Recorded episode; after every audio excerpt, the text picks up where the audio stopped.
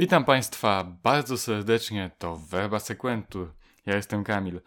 Drodzy Państwo, grudzień to miesiąc świąteczny. Wszyscy już powoli zaczynamy zastanawiać się nad prezentami dla bliskich, co jest potęgowane przez to, że za oknem śnieg, u mnie przynajmniej, w dosyć nikczemnych ilościach, ale jednak w galeriach handlowych zaczynają lecieć jakieś hity świąteczne, w radiu to samo. Poza tym artyści też już coś tam nowego świątecznego wypuszczają. Reklamy w telewizji są już świąteczne, ale też i te filmiki, które oglądamy na YouTubie czy innych mediach społecznościowych, coraz bardziej w tą stronę świąteczną nas kierują. Drodzy Państwo, o ile dobrze pamiętam, w zeszłym roku jednym z najchętniej dawanych prezentów była książka. Bardzo chętnie książki dajemy, lecz niechętnie je czytamy, co wynika też ze statystyk, a nawet jeśli nie ze statystyk, to z mojego odczucia. Ze względu na to, że mamy dosyć mało czasu. Drodzy Państwo, nie lubimy się w obecnych czasach zbytnio angażować w jakieś czynności, jeśli nie musimy. Moim zdaniem tutaj należy też upatrywać sukcesów tych krótkich formatów, jak na przykład yy, shorty na YouTubie, czy nie wiem, TikToki na TikToku. Dlatego, że one są krótkie i niezobowiązujące, przez co dosyć lekkostrawne. Lecz ten czas spędzony na danej platformie może się bardzo wydłużyć i już wtedy to nie jest dla nas aż tak dużym problemem. Książka jednak wymaga pewnej deklaracji i pewnego czasu może, chociaż tak jak mówiłem na TikToku czy YouTubie, prawdopodobnie jesteśmy w stanie spędzić dużo więcej czasu oglądając te króciutkie formaty. Drodzy Państwo, czas szykowania prezentów świątecznych dla rodziny, dla przyjaciół, dla znajomych, lecz, drodzy Państwo, czas zadać sobie pytanie: a jaki prezent w tym roku ja sobie samemu sprawię? Ja sam sobie sprawię. Drodzy Państwo, moim zdaniem dobrym prezentem w tym roku na święta będzie czas spędzony z jakąś książką, z jakąś pozycją literacką. To bez wątpienia jest coś, co możemy sobie dać. Coś, co raczej jest w dzisiejszych czasach czytanie książek może być nawet podyktowane, czy nawet nie tyle podyktowane, co być pewną ekstrawagancją. Może to być pewien luksus, bo ja mówię o czytaniu książek papierowych. Dlaczego luksus? Właśnie przez to zabieganie i ten brak czasu. Prawdopodobnie, jeśli Państwo się uczą, albo jeśli Państwo pracują, to mają Państwo od czasu do czasu taki moment takiego zawirowania, takiego zamętu, takiej ilości pracy, która powoduje, yy, że nie mamy czasu praktycznie na nic. Nawet na bezmyślne scrollowanie jakichś mediów społecznościowych. Drodzy Państwo, w czasie świątecznym pozwólmy sobie na tą ekstrawagancję i przeczytanie jakiejś książki. Oczywiście ja mówię o czytaniu książek, ale ten prezent, który możemy sobie samemu złożyć, może być zupełnie inny. Skupmy się jednak na książkach, bo przecież przybyłem do Państwa z konkretną książkową propozycją. Drodzy Państwo, moim zdaniem dobrym, dobrą opcją na jakiś świąteczny wieczór będzie powieść Justeina Gordera. Jest to, proszę Państwa, Norweg, który wydał w bodajże 91 lub 4 roku właśnie w Norwegii swoją książkę Świat Zofii.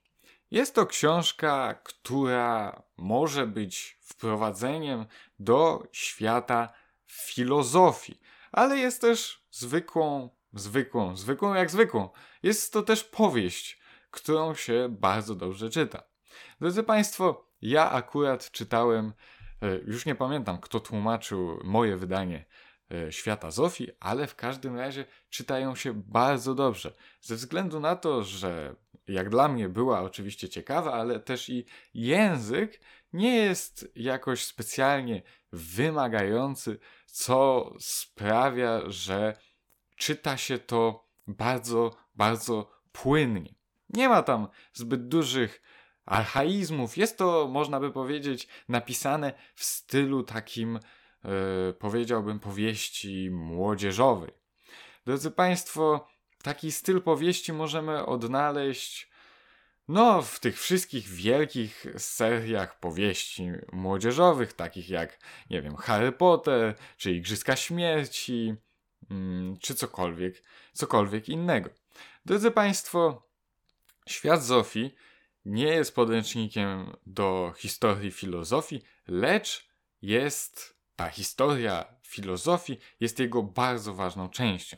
Powiedziałbym nawet, że jest jego częścią najważniejszą, ze względu na to, że stanowi pewną oś wszystkiego, co w tej e, książce się dzieje. Jest też trochę, można by powiedzieć, sensem tej powieści. Mimo, że mamy oczywiście inne wątki i normalne życie się tam toczy, nie jest e, tam, nie jest to zapisane w sposób taki e, encyklopedyczny, to historia filozofii, którą autor się stara w jakiś prosty sposób wyłożyć, jest dla sensu historii przekazanej w powieści bardzo ważna, jeśli nie najważniejsza. Wszystko, co dzieje się w powieści, jest uzasadnione, można by powiedzieć, tym, co dzieje się akurat w omawianej epoce historycznej e, pod względem filozoficznym. Książka opowiada o Zofii. Dokładnie, o Zofii, która poznaje świat filozofii, która poznaje świat tej historii filozofii i my razem z nią podróżujemy od starożytnej Grecji przez renesans na przykład, przez średniowiecze wcześniej, aż docieramy do czasów współczesnych. Oczywiście współczesnych dla, yy, dla tej książki, w sensie kiedy ona była wydana. Drodzy Państwo, ta książka absolutnie się nie zestarzała. Moim zdaniem czyta się ją w dzisiejszych czasach bardzo dobrze. Poza tym, że mamy wyłożoną historię filozofii, to jeszcze mamy ukazane pewne spojrzenie na wartość w ogóle nauki, jaką jest filozofia pewne spojrzenie na filozofa jako człowieka. Nie tylko filozofa jako człowieka zajmującego się e, poszczególną nauką, w ogóle można by powiedzieć, że filozofów da się podzielić na dwa rodzaje. Na filozofów zajmujących się po prostu historią filozofii, czyli na historyków filozofii, i na filozofów, którzy tą historię filozofii tworzą. Tu mamy y, po pierwsze połączenie tych dwóch rzeczy, bo postacie, które znajdują się w tej książce, mają pewien wpływ na, mm, na pewne postrzeganie filozofii, pokazują pewne swoje rozumienie filozofii, pewne swoje rozumienie świata i Także mamy ukazanie takiej trzeciej opcji, bym powiedział, filozoficznej, czyli takiego, takiego podejścia do świata, które nie jest stricte tworzącym historię filozoficzną. Nie chodzi o stricte tworzenie nowych teorii filozoficznych, ani nie chodzi o e, poznawanie historii filozofii, ale jest też ukazanie filozofa jako człowieka mającego pewną mm, pewne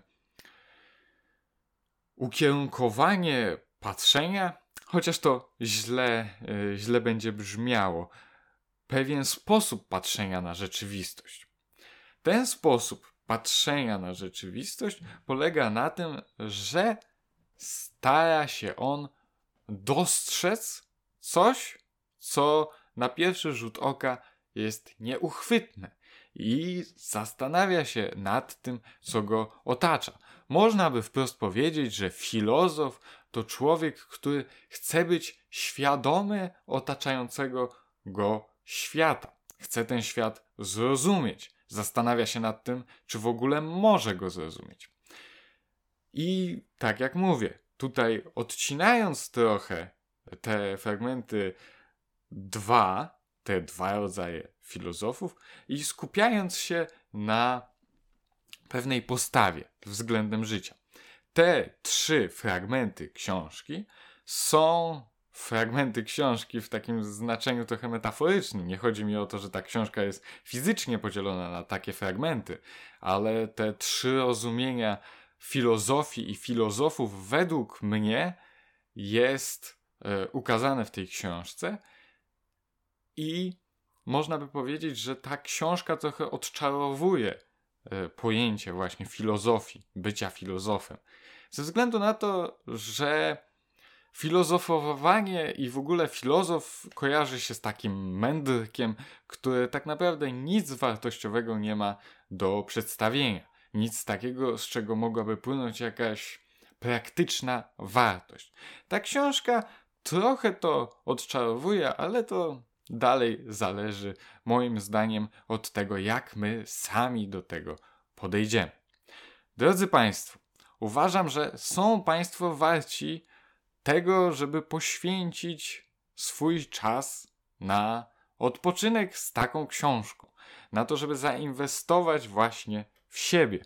Moim zdaniem osoby, które nie czytały tej książki, nieważne w jakim są wieku, nieważne w jakim są momencie swojej edukacji, na pewno coś wyciągną. Jeśli nie będzie to y, kwestia jakiegoś spojrzenia na samą filozofię, to sposób użycia pewnych, pewnych narzędzi, jakie dostarcza gatunek, jakim jest powieść, i wykorzystanie go w celach edukacji jest warty do zaobserwowania w tej książce. I to samo w sobie też będzie zaobserwowanie czegoś takiego, będzie na pewno wartością dla Państwa dodaną, przynajmniej w mojej opinii. Lecz to, że ja mam taką opinię, nie oznacza, że Państwo muszą się z nią zgadzać. Dlatego zachęcam do sprawdzenia moich słów i przeczytania książki pod tytułem Świat Zofii. Drodzy Państwo, to tyle, co chciałem Państwu przekazać. Mam nadzieję, że niektórych popchnę do przeczytania tej książki i podzielą się Państwo ze swoimi bliskimi, może odczuciami, że Będą chcieli Państwo przekazywać dalej informacje o tej książce i kolejne osoby będą czytać. A może to będą złe informacje? W każdym razie, drodzy Państwo, mam nadzieję, że zachęcę Państwa do sprawdzenia świata Zofii. Drodzy Państwo, do usłyszenia.